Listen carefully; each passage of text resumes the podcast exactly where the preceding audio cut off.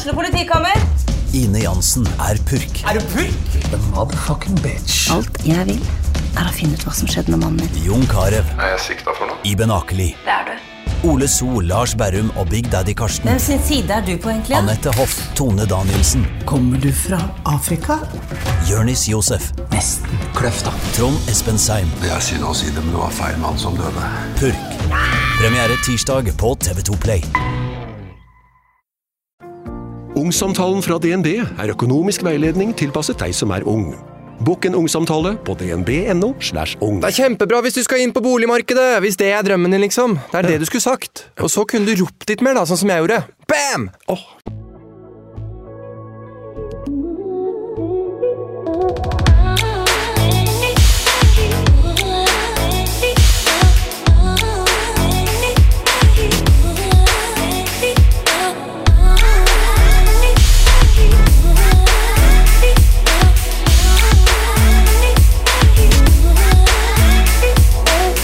I dag har jeg invitert Jonathan Romano til studio.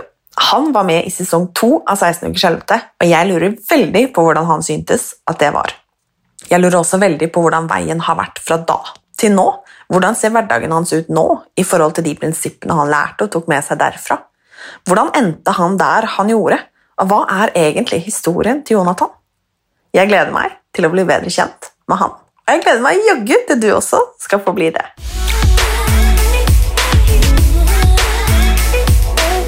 Dette har jeg gleda meg til. Velkommen, Jonathan. Hei. Hei. Eh, dette er eh, det, Jeg syns det er litt ekstra eh, stas å få sette meg ned og prate med deg, i og med at vi har vært på den samme reisen. Mhm.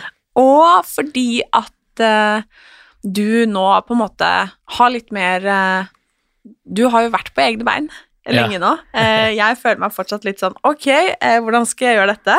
Eh, og jeg er veldig nysgjerrig på reisen din, for jeg vet at det har eh, ja, bokstavelig talt vært en reise. Så jeg gleder meg til å høre om den, både før, underveis og etter. Og hva som på en måte har tatt deg hit du er nå, og hvilke tanker og følelser og meninger du sitter med nå, kontra, kontra før. Ehm, for, for de som ikke kjenner deg, da, eh, så skal jeg stille deg verdens vanskeligste spørsmål. Mhm. Hvem er du? Ja, eh, jeg er en veldig spøkfull type, så jeg pleier å si jeg er eh, Jonathan som lever livet. Eh, det er egentlig den korte versjonen. Men eh, utenom det så er jeg en, ja, en seriøs kar som har drevet med restaurant i nesten hele min yrkeskarriere. Um, er sinnssykt glad i mat og drikke og vin. Um, veldig glad i mennesker. Og elsker å utforske livet. Det er liksom meg i et sånt personlig perspektiv. Um, I profesjonelt perspektiv så er jeg jo kanskje kjent som en av um, sushipionerene i Norge. Um, holdt på med sushi i 25 år. Uh, solgte egentlig alt av mine restauranter i 2018. Da var jeg uh, Jeg solgte først halvparten i 2015, og så solgte jeg- bygde vi opp eh, sammen med de nye partnerne mine 16 restauranter som jeg solgte med ut av i 2018. Så um, jeg er kokk, um, jeg er gründer og um, ja, livsnyter. Jeg syns det er et veldig godt yrke. Livsnyter. Det er et veldig godt yrke. Og jeg vil kanskje gi deg en til og si at du til og med har blitt litt treningsentusiast her.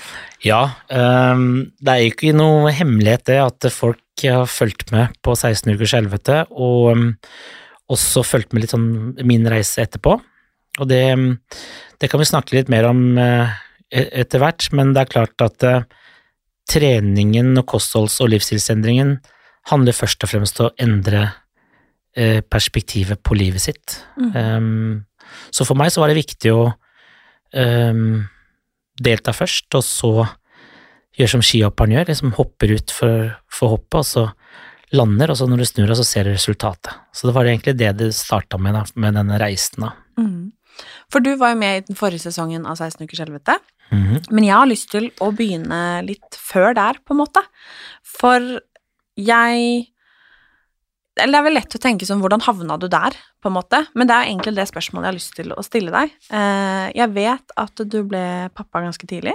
Mhm. Eh, og jeg har egentlig lyst til å liksom begynne der, hvordan ditt liv har vært, eh, og din For du har jo hatt en enorm karriere innenfor ditt yrke. Det har jo vært Det er utrolig imponerende, det må Ja, jeg jo bare si.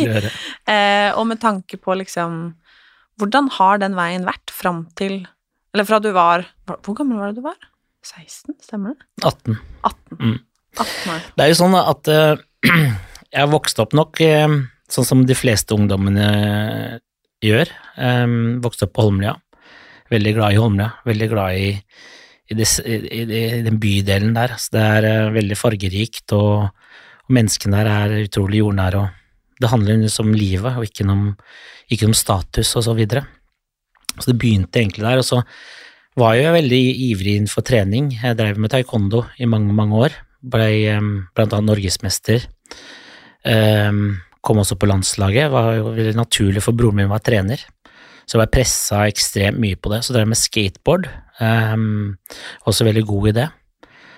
Men når den treningsregimen på en måte ble, tok litt overhånd om alt, da Jeg var ikke med på fester og sånne ting, for du vet jo, du vet jo det nå, at en, en fest kan ødelegge mye av treninga.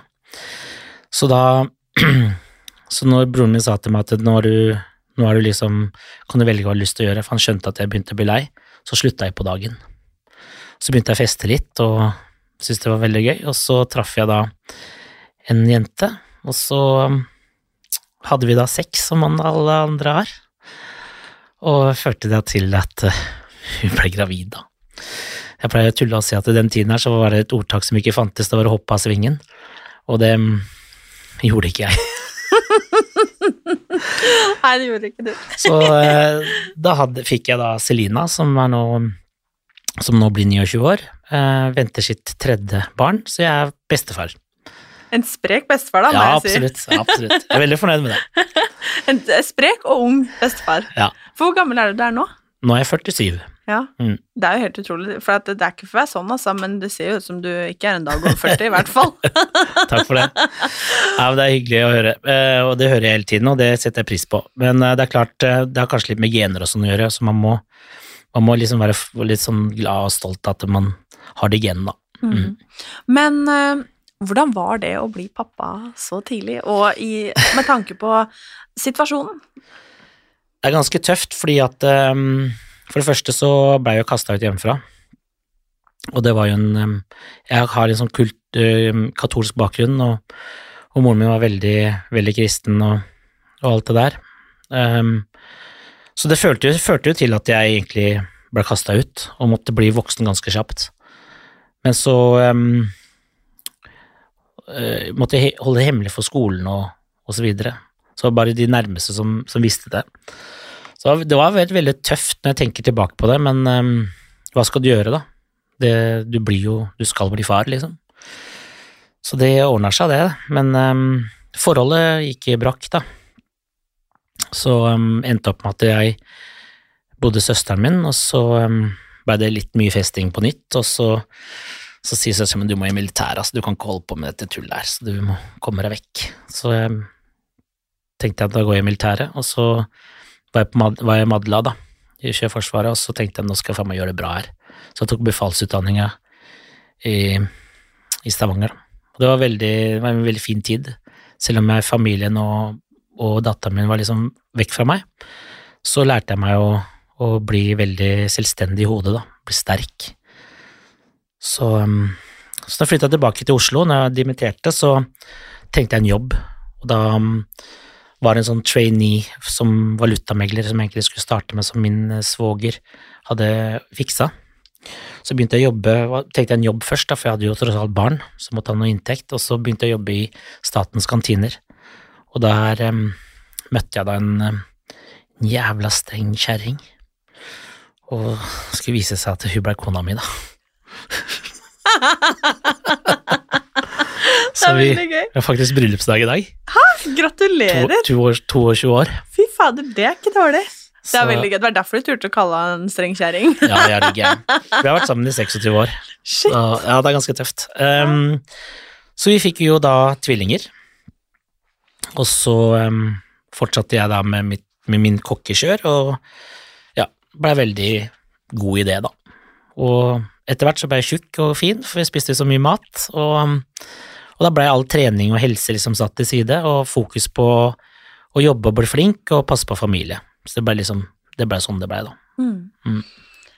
Så du gikk jo egentlig da fra å på en måte være høres ut som ganske aktiv og sprek, til å vel kanskje egentlig som de aller, aller fleste bli liksom pappa og kanskje ikke prioriterer egen helse og bli glad i mat og alt dette her. Jeg tror veldig mange kan kjenne seg igjen i jeg tror det er ganske vanlig. Jeg mm. møter jo veldig mange av mine nieser og nevøer nå som eh, på en måte mm, var veldig ivrige og aktive når de var yngre, og så blir de litt eldre nå, så ser jeg de begynner å få mage og blir litt sånn den evolusjonen, da, den naturlige evolusjonen. Så det mm, Ja. Så det var liksom ja, Som jeg sier akkurat i dag, så er det sånn Før så ned, Det første jeg nedprioriterte, var trening. Og så Den helsa mi, den var jo så bra, tenker man. Mm. Så glemmer man å trene, og så blir man jo tjukk og god, og så går det, går det, så går det liksom mange år, og så er du bare inn i den sirkelen der, da. Mm. Mm. Men eh, det er en ting som er veldig viktig å poengtere, er at det, jeg var veldig fornøyd med meg sjøl, selv, selv om jeg er tjukk og god. Ehm, jeg følte at jeg var eh, like kjekk som jeg er nå, og like sjarmerende og alt det der. Selvtilliten er, liksom, er, er samme. Men, ehm, men, i dag så merker jeg jo at jeg har en helt annen energinivå. Um, mye mer lyst til å gjøre andre ting og litt sånne ting, da. For det er klart, når du er litt sånn inaktiv, så blir du fort sliten, og da er det egentlig digg å bare sette seg i sofaen og se på TV.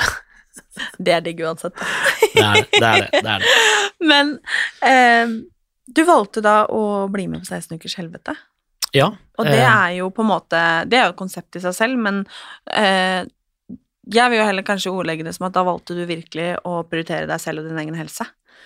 Ja, for det, det var litt morsomt, fordi jeg ble spurt første sesong, og så, og så datteren min som heter Sara, hun bodde på Hawaii. Så skulle hun ha en bachelorutdeling, og da fortalte jeg da redaksjonen at jeg skal til Hawaii, og da sa de at det, det, det får du ikke til. Eller det får vi ikke til, for den, den sluttdelen er jo viktig. Eller ganske, det er ganske mye som skjer den siste delen.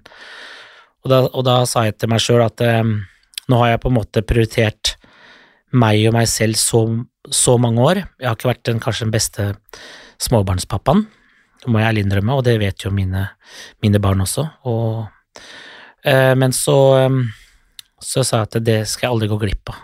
Så da reiste jeg til Hawaii, da. Så da jeg kom til Hawaii, så så fortalte jeg datteren min i sånn stolthet at vet du hva, dette har jeg sagt nei til da, for å være sammen med deg.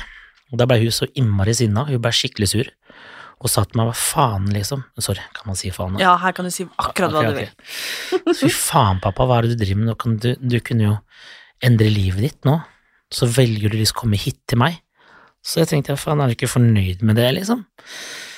Så jo, jeg er jo det, da, men, men jeg syns jo helsa di er viktigere enn alt, da. Så det endte opp med at vi, vi ja, det ble noen tårer og sånn, og så drakk vi oss skikkelig fulle og gode. Og så til Sara at men nå er jeg her, og nå skal, vi, nå skal jeg se eh, vitnemålsutdelingen din, da. Så gikk det noen eh, måneder, og så ble jeg oppringt igjen av redaksjonen, eh, og da sa jeg da ja, og det, det skulle jeg ikke da gå glipp av, for da hadde jeg på en måte fått litt aksept fra Sara, og, um, og da tenkte jeg dette skal jeg med på og det Det gruer meg, altså. Gjorde du det? Ja, det var da jeg, begynte, da jeg så sånn litt av hvordan det var sånn fra første sesong, så tenkte jeg shit, dette blir vanskelig. Men um, det vanskeligste var når jeg fikk matplanen fra nettet. Da begynte jeg nesten å grine. Gjorde du det? Ja. Den var fæl, altså. den var fæl. Hva var det du grua deg sånn til? Nei, det er liksom alle de um, jeg er jo ekstremt glad i mat. Jeg, jeg sånn at jeg mener at uh, Jeg hadde et ordtak som jeg liksom har sagt til alle, til hele familien min, at uh, hver dag er en lørdag, utenom mandag. Den bør du roe ned. Og liksom det å spise og drikke egentlig hva du ville i løpet av, um, i løpet av en uke, liksom, det var helt nærliggende for meg. Det var, noe, ikke, det, var, det var, rett og slett en lørdag hver dag. Jeg kunne drikke vin og spise middag Eh, var på fest på en tirsdag, onsdag eller torsdag, og det var ikke noe sånn at det måtte være en lørdag. Og mm, det var liksom ekstremt eh, vanskelig da, å bryte det mønsteret, For det er det vi, vi er jo vanedyr, eh, ikke alle oss dyr, men vi er jo sånn vanefolk som vi Når ting blir brutt, så føler jeg liksom akkurat som en sånn lam på fjellet, liksom blir åh, hvor er vi igjen? Og det Jeg fant ikke meg sjøl, da. Og det å begynne med de powerwalkene og sånn, det var jo helt forferdelig. Så jeg må ærlig innrømme å si at når jeg begynte med det, så holdt jeg på å gi opp etter to uker. Ja, du gjorde det. Og da sier Julie, hun andre tvillingen, at eh, du kan ikke være den første pappa som er med på 16 ukers helvete som går opp i vekt. Så Så sa jeg ja, men dette er for vanskelig. Men så da bestemte jeg meg for at vet du hva, jeg, eh, jeg biter tenna sammen, og så kjører jeg på. Og det gjorde du. Jeg kjørte på, altså. Du Det var- kjørte på. Ja. Og det var en av de viktigste tingene jeg gjorde, var å finne Det er liksom alle har sånn forskjellige motivasjonsfaktorer og hvordan man liksom skal komme seg fra A til B. Alle kommer seg til A til B, men alle har hver sin måte å gjøre det på. Så det første jeg gjorde, var å finne ordentlige hodehøyttalere, eller sånn eh, Headset. headset eller beats, hadde jeg, Mhm. Brukte beats, um, for jeg er veldig glad i lyd, og så begynte jeg å laste ned masse bra musikk, og så brukte jeg det som en, um, en motivasjonsfaktor når jeg gikk disse powerwalkene. Eh, mange som spurte, sa til meg at jeg bør høre på podkast, jeg bør høre på lydbok eller noe sånt, men eh, det var ikke, for jeg, måtte, jeg må føle liksom litt hva, hvordan kroppen min reagerer da, for hver, av disse turene. Og store motivasjonen er jo i hvert fall når man er litt sånn litt for stor, som jeg var, så ser du progresjonen ganske kjapt. Og det, det var en veldig viktig ting, ass. Det, da får du mye driv. Og så ble jeg helt flink til å poste litt eh, selfies og sånn, og sette det ut på Instagram og Facebook og Snap og så videre. Og det har jeg liksom Det gjør jeg enda. Fordi det gjør jeg ikke for, eh, for de som ser på eller kommenterer og sånn. Jeg gjør det bare for meg sjøl. For det er en sånn fin måte at du, du påminner at du nå har gjort noe. Kanskje det er feil, men det funker for meg, da. Mm. Så når jeg, når jeg buster ræva mi på gymmen liksom to timer om dagen, hver dag, som jeg gjør nå i dag, så poster jeg fortsatt sjøl. Eller jeg gjør det fortsatt enda. Men det er jo helt sinnssykt, Jonathan. To Mm. timer på gymmet hver dag. Ja, det er sykt. Og så, og, og, jeg skal få love deg, første gang jeg gikk inn på Sats, eh, så ble jeg så kvalm, og den lukta. og så når du kommer hjem, så hører den der, de lydene, de manualene som detter i bakken, og, og fy jeg tenkte her skal jeg. Og så, og så alle ser på deg, føler du, og så begynner du å Og så er det sånn som å kave, du kaver litt, du klarer ikke alle øvelsene gjør du feil, og så videre. Og, og da, alle disse tingene her som var så veldig vanskelig, da. Men så, men så begynner du å skjønne at um, du må begynne et sted. Og hvis du bare skjønner det, så kommer du så innmari langt. Så det begynte jeg, så jeg begynte å løfte lett, og gjøre øvelsene eh, riktig, og da det ga liksom mestring. Og, og etter hvert så begynte jeg å skjønne at det man egentlig skal gjøre, er å, det er å trene hjernen først. Altså, hvis du klarer å trene hjernen din, så følger kroppen med, naturlig. Så det ble en sånn veldig viktig faktor, da. Men jeg trente ikke en eh, to timer da, altså. Da var det sånn raske 45 minutter, en time og sånn. Men det er som jeg pleier å si, alt er bedre enn ingenting. Ja. Ja.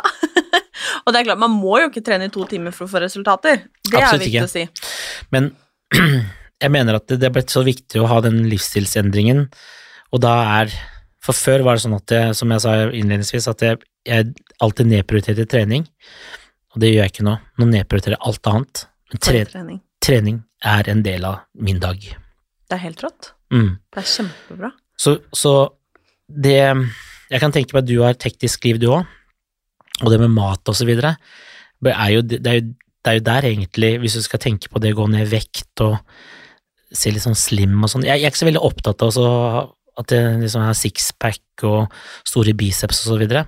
Jeg er opptatt av å ha en sterk, sunn kropp, da. Det at jeg kan, jeg kan kjøre en hard økt med PT-ene på, på sats, liksom, på Ryen, og de sier fy faen, det er bra, da blir jeg stolt av meg sjæl, altså. Så alt jeg gjør, er kun for mitt eget ego, eh, og for mitt beste vel. For da, mm, når du gjør det, så En ting er mestringen, men alle rundt deg får det så mye bedre med deg også. For du blir, du blir liksom mye mer fokusert, mye mer rasjonell. Ehm, du, du Det er litt rart, jeg vet ikke om du skjønner hva jeg sier, men du, du merker at det, du tenker litt bedre, får et bedre fokus. Um, ja, du blir rett og slett glad. Mm. Uh, og det har vært en sånn noen sånne ting at det, dette skal jeg liksom det, Dette kan jeg ikke stoppe med. Så jeg har lært meg å si det at det, det jeg har gjort nå, det er ikke for en periode, dette er for resten av livet. Så jeg tror at hvis du setter det høyest, så tror jeg det blir helt naturlig. Men du må trene og motivere deg sjøl, mener jeg, da, for å gjøre det. For jeg har jo Kona mi er ikke akkurat så veldig eh, disiplinert til å trene.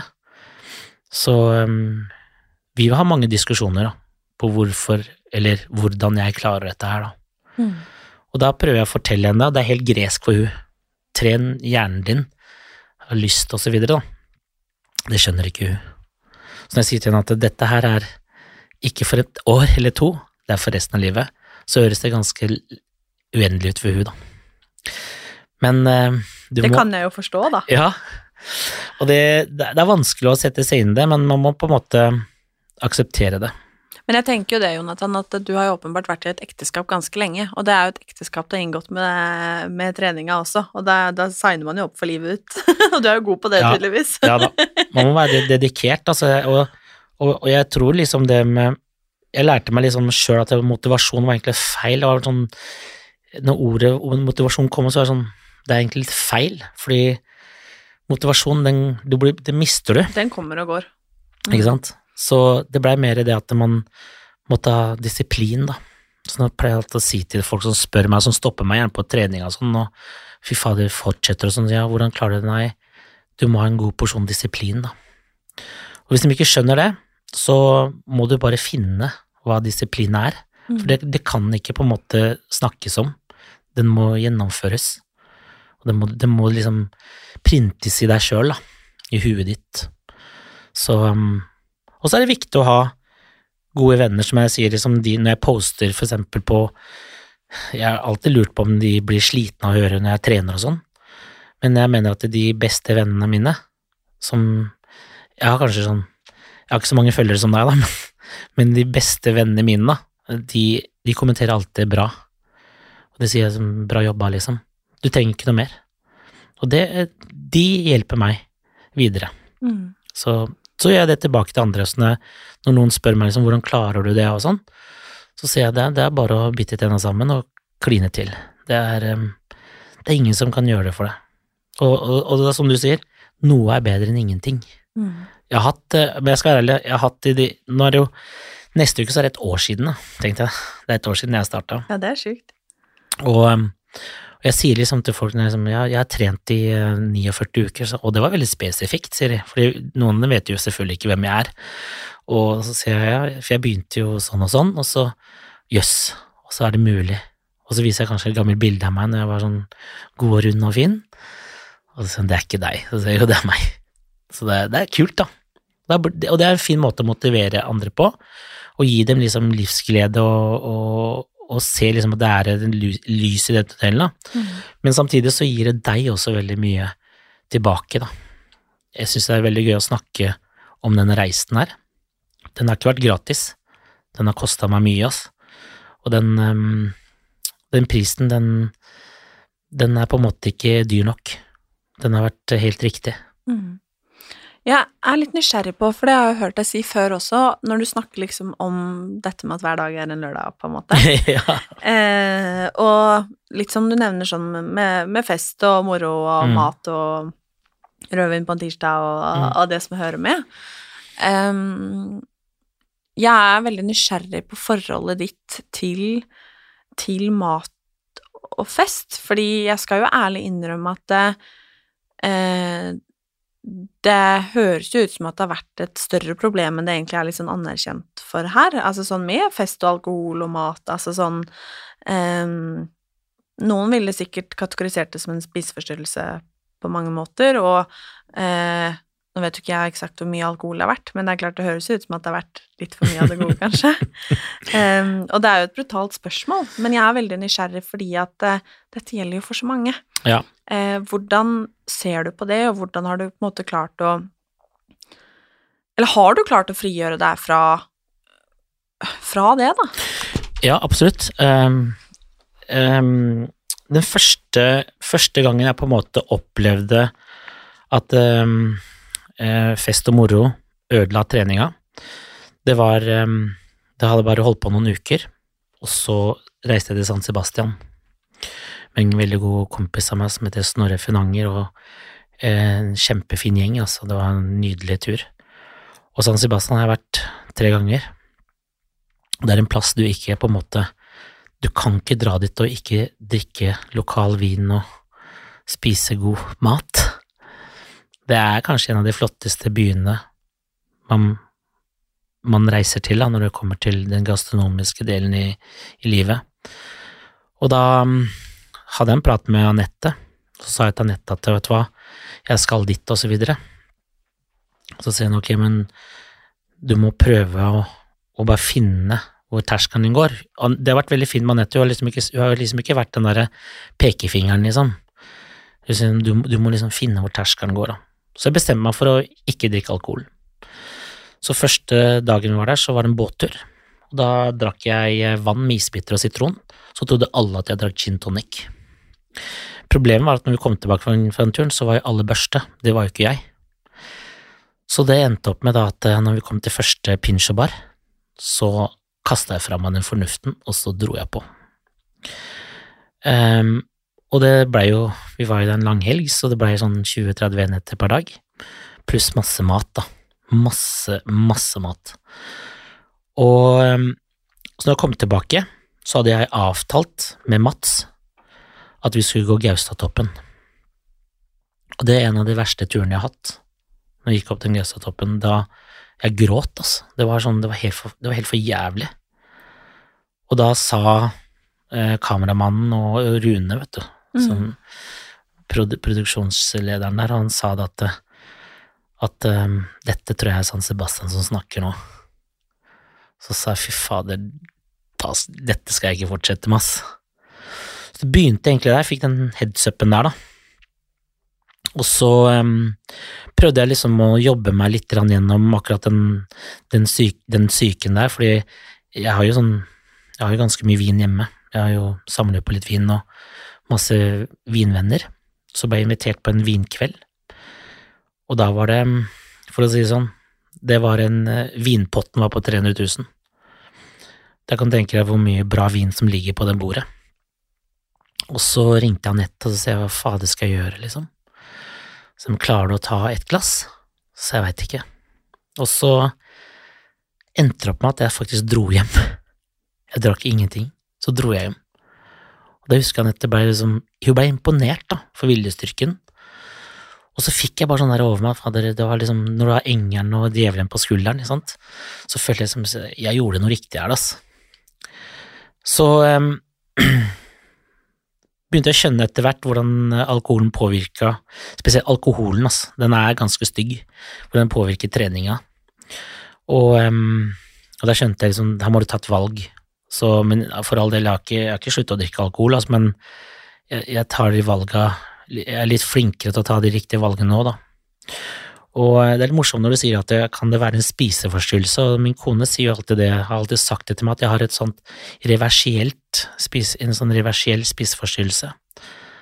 Og det har jeg aldri skjønt, da, før jeg egentlig så det programmet når hun snakka om det.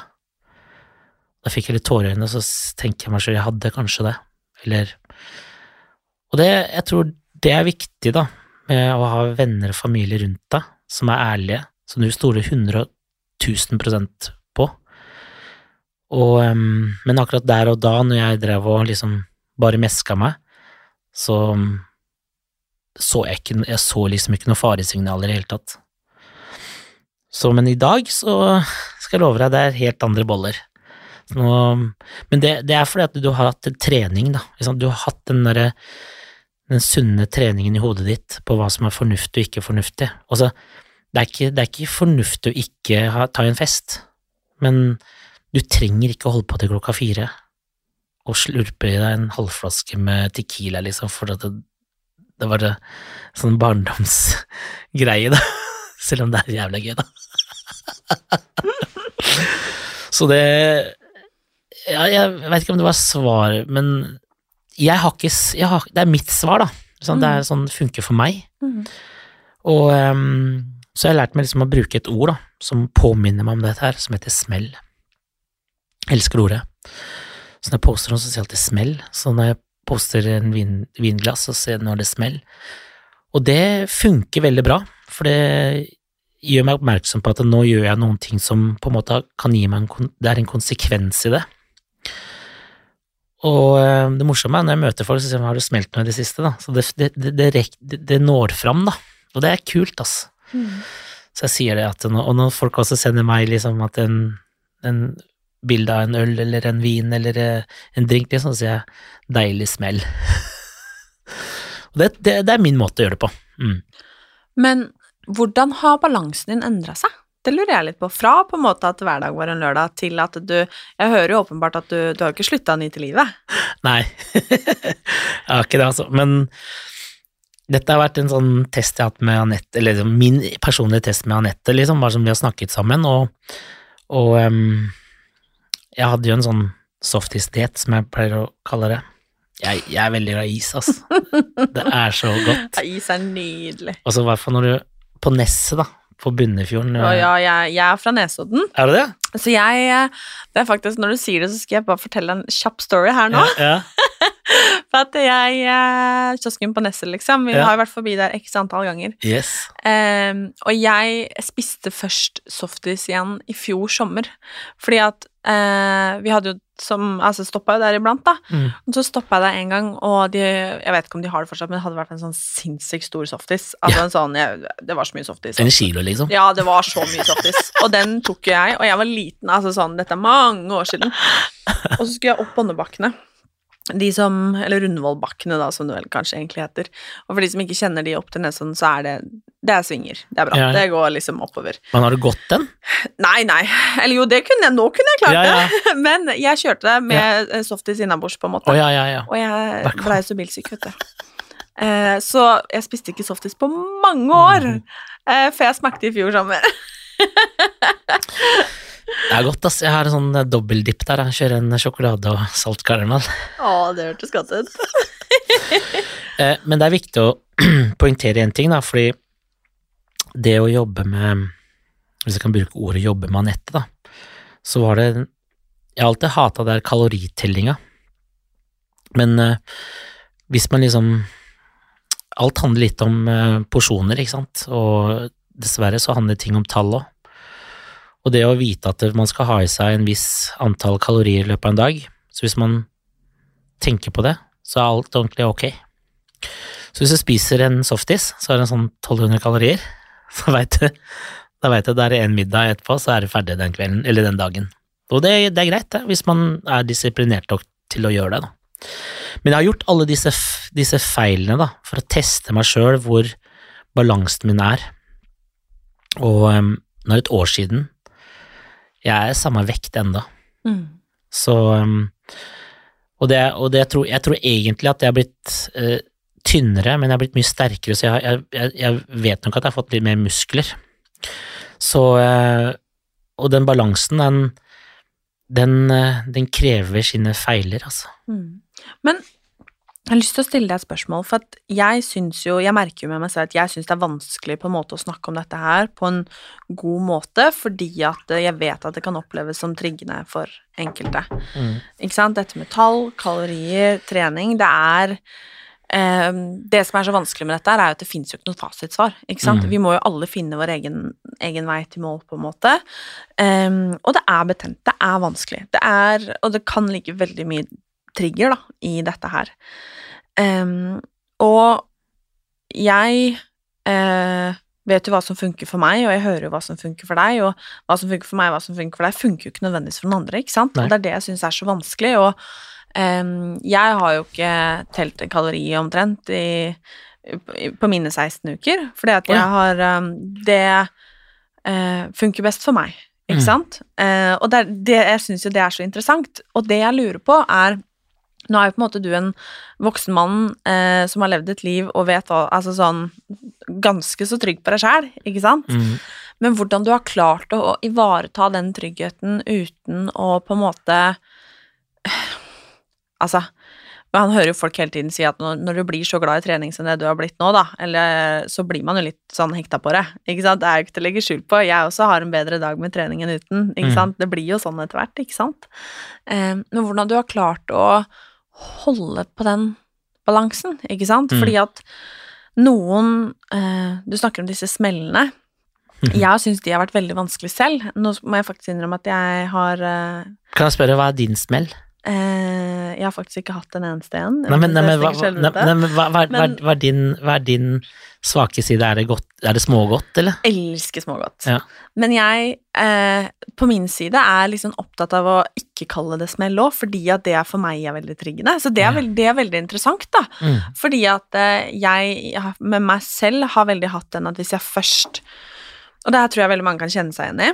Hvis man, kanskje spesielt hvis man ikke har kommet der hvor du er nå, da, der du åpenbart høres ut som du har funnet en veldig fin balanse, men at du vet den der typiske 'nei, på mandag så skal jeg begynne', ikke Mm. sant, som de aller fleste har. Eh, for det å komme dit hvor jeg er nå, og du er nå, det, det er jo krevende, ikke sant? Ja, det er hardt Eh, arbeid. det er hardt arbeid. Og eh, du vet, så begynner man på mandagen, ikke sant? Og så begynner man liksom tirsdagen går bra, onsdagen, og så kommer torsdagen, og så går du på denne berømte smellen, da. Og det kan jeg kjenne meg veldig igjen i, men at min smell ikke har stoppa med det. Da har jeg tenkt nå har dette gått til helvete, så nå kan det bare fortsette å smelle. Ja, du slipper, du Hvis du skjønner. Ja. hvis du skjønner hva jeg mener. Skjønner jeg mener. Um, og det jeg lurer på, er hvordan du har funnet på en måte Fordi uh, jeg vil jo mer kalle det du snakker om, for en deilig balanse, Mm. ikke sant? Ja, det er hyggelig å høre. Um, det høres i hvert fall sånn ut. Mm. Um, og hvordan du har klart å på en måte holde på den, og ikke på en måte når du spiser denne deilige softisen som jeg hører at du er glad i, liksom. Mm. Eh, og ikke da tenke at du bare kan spise alt mulig annet også, fordi nå har du allerede på en måte gått på en smell. For jeg vet at mange flere med meg Jeg jobber ekstremt mye med den tanken selv. Mm. Og har kommet en lang vei på disse ukene som jeg har holdt på, men vet at veldig mange kan kjenne seg igjen. Uh, at liksom Det blir veldig nei-mat, det blir veldig Mm. ja-mat. Og da tenker jeg også som kokk, da, på en måte med bakgrunnen din. Eh, det ble et langt spørsmål, men jeg, jeg håper Jeg du med. forstår. jeg Du henger med. Ja, ja. For å si det sånn, da. Jeg tror det du snakker om, er litt den Det er ordet skam. Mm. Jeg tror vi er litt sånn Vi er litt for harde mot oss sjøl. Og det å sånn, Livet er Jeg hadde en sånn ordtak da jeg var litt yngre. Altså, livet er en lek. Bare lever i den. Og den Det er litt disse samme. Altså, man må ikke være så hard mot seg sjøl. For meg og det å det å gå på trening, liksom, det er ikke for å være hard mot meg sjøl. Det er en ting jeg skal gjøre, akkurat som å gå på dass når jeg er på do, og du liksom gjør ditt fornødne, så må du tørke deg, liksom. Det er sånn jeg tenker, da. Så jeg legger liksom Jeg, jeg, bruker mye som metaforer for å, for å få liksom min dag og min, min livsstil gjennom, da. Og som jeg sa, det der med å finne balansen, du må liksom gjøre noen feil. Hvis ikke så Hvis ikke du gjør de feilene, så veit du ikke om du gjør det riktig. Og det du merker det på mest, er jo egentlig resultatene av feilen din. Det er å si, hvis du smeller da en weekend, så veit du at du på mandag skal trene, den gjør jævlig vondt. Da skjønner du at den var litt hard, den smellen. Og hvis du liker det, så har, får du fortsette med det. Jeg liker det ikke, så da må jeg redusere den festen eller den, det godene jeg gjorde, da. Og, det, og det, det, det mener jeg det gjelder for alle, og, og jeg tror at det er veldig mange som tenker litt sånn, den skammen, Faen, faen gjorde jeg det? Nei, da, ja, fortsette litt med den derre, jeg er ikke god nok, ikke sant? Mm. Og det kommer tilbake igjen på det med, med hjernen din og hodet ditt, at den må liksom jobbes med hele tiden. Og så er det viktig å finne folk og motivasjonsfaktorer, sånn som for meg musikk er ekstremt viktig, da. Så når jeg hører på Jeg hadde alltid en sånn sang jeg hørte på liksom hver gang jeg trente. Så jeg ble liksom aldri lei den, så satt jeg, sa jeg til meg sjøl at jeg, faen, blir du aldri lei den sangen? Det er Tupac, da. Digger, Ja. digger Tupac, ass. Ja, hvilken sang er Tupac? Hit dem high. Hæ, kult, da. Og, og den, den er litt sånn aggressiv. Teksten er egentlig ganske fæl òg, for det er jo, han synger jo stygt om Biggie, ikke sant. Men samtidig så um, mener han noe. Den biggen for meg, det er, det er liksom den djevelen som ødelegger for meg, da. Så når jeg, når jeg tar på meg og, og dette er også veldig viktig, det er når jeg kommer til Jeg må trene liksom i et, i en, i et treningsrom, for det er liksom arenaen min. Så jeg tar på meg liksom Supermann-drakta, som heter det, eller som jeg kaller det, eh, treningstøyet mitt, er Supermann-drakta mi. Så jeg tar på meg det, så, så blir jeg liksom han. Det er akkurat som når du spiller hockey, så må du ta på deg hockeyutstyr. Du kan ikke komme dit med shorts og, og caps. Så det er litt det der, du må tenke litt de tingene der sånn som, som, gjør, som gjør liksom alt helt naturlig. Og en annen ting som også har vært veldig viktig med akkurat det med balanse, er det jeg snakker med Anette, og den skjønte jeg ikke med en gang, det er noe som heter energiinntak. Så hvis du sier til deg selv faen, jeg er sulten, så um, er du sulten på, egentlig. For vi mennesker, vi trenger mat for å få energi. Så jeg lærte meg disse ordtakene som, forst som forsterker liksom meningen med alt det jeg gjør, da. Så jeg sier nesten aldri at jeg er sulten. Så hvis jeg kjenner at jeg blir litt sånn ned, eller nede, så merker jeg at jeg trenger energi. Og det er også veldig viktig sånn i forhold til Jeg trener hardt hver jævla dag, liksom. Og når jeg går på trening, så må jeg, må jeg ha med meg energi, så at jeg kan gjennomføre en to timers økt. Og når jeg er ferdig, enda viktigere, for da, skal kropp, da trenger kroppen byggesteiner. Og dette her må du, du, må, liksom, du må visualisere det. Det er ikke noe unntak for noen. Mm. Det er bare spørsmål om hva du gidder å gjøre, da. Så, og hvis du er den typen som øh, syns det er greit å trene to ganger i uka, så er det fint, det. Det er ikke noe, du skal ikke ha noe skam for det, for naboen trener syv. Så skal du heller ikke ha noe skam for at å, den personen der har fått uh, sixpack, liksom. Eller uh, for dere jenter kanskje å, den har fått så stram rumpe, eller hva det nå er. Og det, jeg tror at man Det er den skammen å sammenligne sam, Man sammenligner hele tiden, da, med andre. Og jeg kan love deg, jeg merka det så godt med den gjengen jeg var med på 16 ukers helvete, er at vi har så forskjellig utgangspunkt. Og det, jeg bare fikk sånn tårer i øynene når, når Steffen Iversen ikke klarte å gå på alle fire. En av Norges beste fotballspiller gjennom tidene. Han klarer ikke å stå i doggystyle. Det er sykt, ass. Mm. Det, det er helt sykt. Og da begynner jeg å tenke shit. Og så hadde jeg mange samtaler med Steffen. Jeg og Steffen ble veldig, veldig gode venner, og, og han hadde problemer med å løpe. Og så husker jeg at vi hadde en økte på Norefjell, og så husker jeg at jeg var bak han, da sa Steffen prøv å løpe forbi meg. Han bare gikk, altså. Jeg klarte ikke å løpe, altså, jeg er så dårlig på løping. Prøv å løpe forbi meg. Og så husker jeg at jeg bare løp forbi han. Så når, når vi var ferdige, så ga han meg en jævla klem. Så sa han, faen, det var sterkt, ass. Og jeg vet ikke om dere kjenner den følelsen her, men det var sånn, han sa det til meg. Og jeg klarte å løpe forbi han, liksom, mens han gikk, da. Kan du tenke deg hvor dårlig er løping? Men den mestringen der, det var meg, ikke sant? Jeg sammenligner ikke meg med Mats, for eksempel, som Han var jo ferdig før alle sammen, men eh, da må man skjønne Mats var, var 27 år, han er to meter høy. Um, vi er forskjellige. Så hvis man hele tiden skal gå rundt og tenke at, det, at vi er A4-mennesker, som vi ikke er, så får du sette deg ned og reflektere litt. Jeg tror det er kanskje det viktigste. Vet du hva jeg sitter igjen med litt sånn inntrykk av? Mm. Eller sånn konklusjonen her? Mm. Det er rett og slett å være litt snill mot seg selv. Man må ikke være så hard med seg sjøl, nei. Og hvis du smeller, altså Hvis du smeller eller gjør noe feil, eller Det er, ingen, det er ikke noe farlig. Sånn? Du må opp på hesten igjen, og du må Og det er eh, Man sier jo det mange ganger, mange ganger i media og sånn, liksom Du lærer, du lærer når, du, når du er på ditt laveste. Men jeg tror det viktige er at når, når mennesker på en måte på en måte um, ser litt, litt ned på deg, og litt sånn så er de egentlig De har egentlig lyst til å bli litt som deg, men de bare klarer det ikke. Og så i stedet for å rekke ut en hånd, så gjør man egentlig det menneskene er best på, snakke dritt. Så sånn som deg, ikke sant, så du har vært veldig inspirerende for meg når jeg, sett, eh, når jeg fulgte deg første gangen for to år siden. Alle dine ting, og når du er lei deg, og Det var så fint, da. Eh, jeg så deg. Jeg så, jeg så deg sånn inderlig, liksom. Fy fader, ass.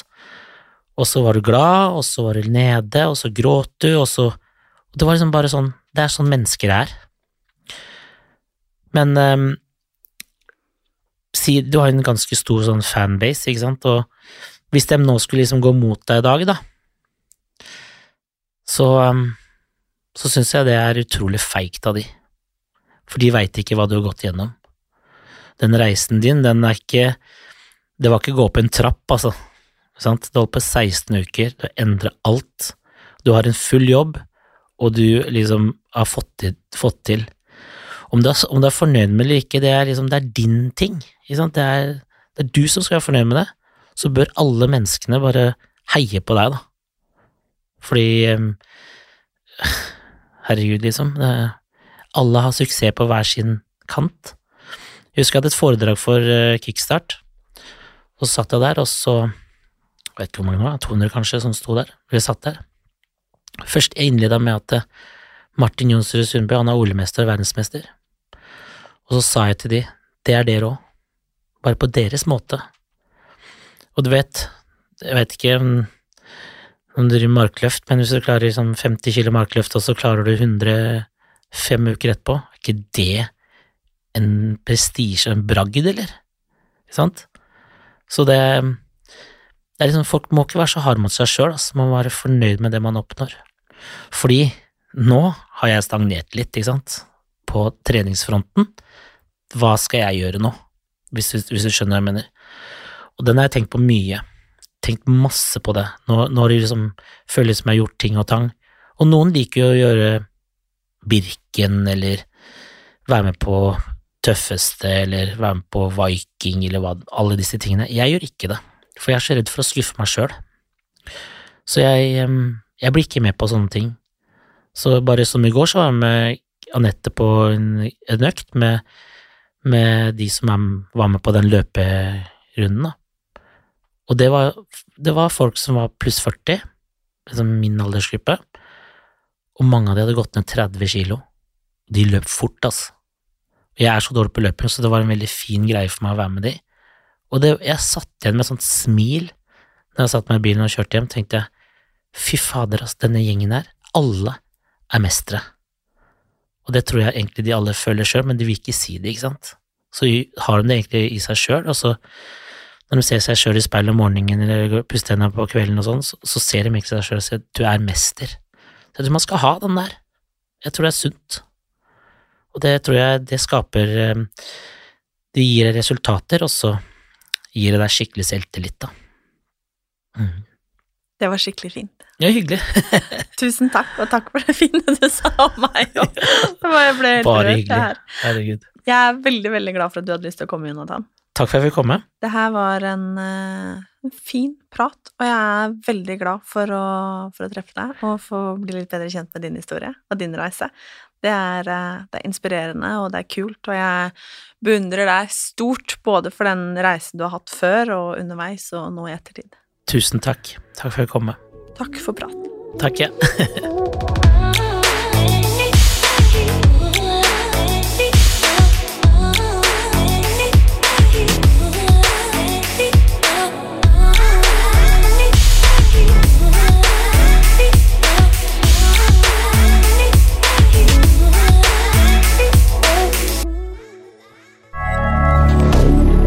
moderne media.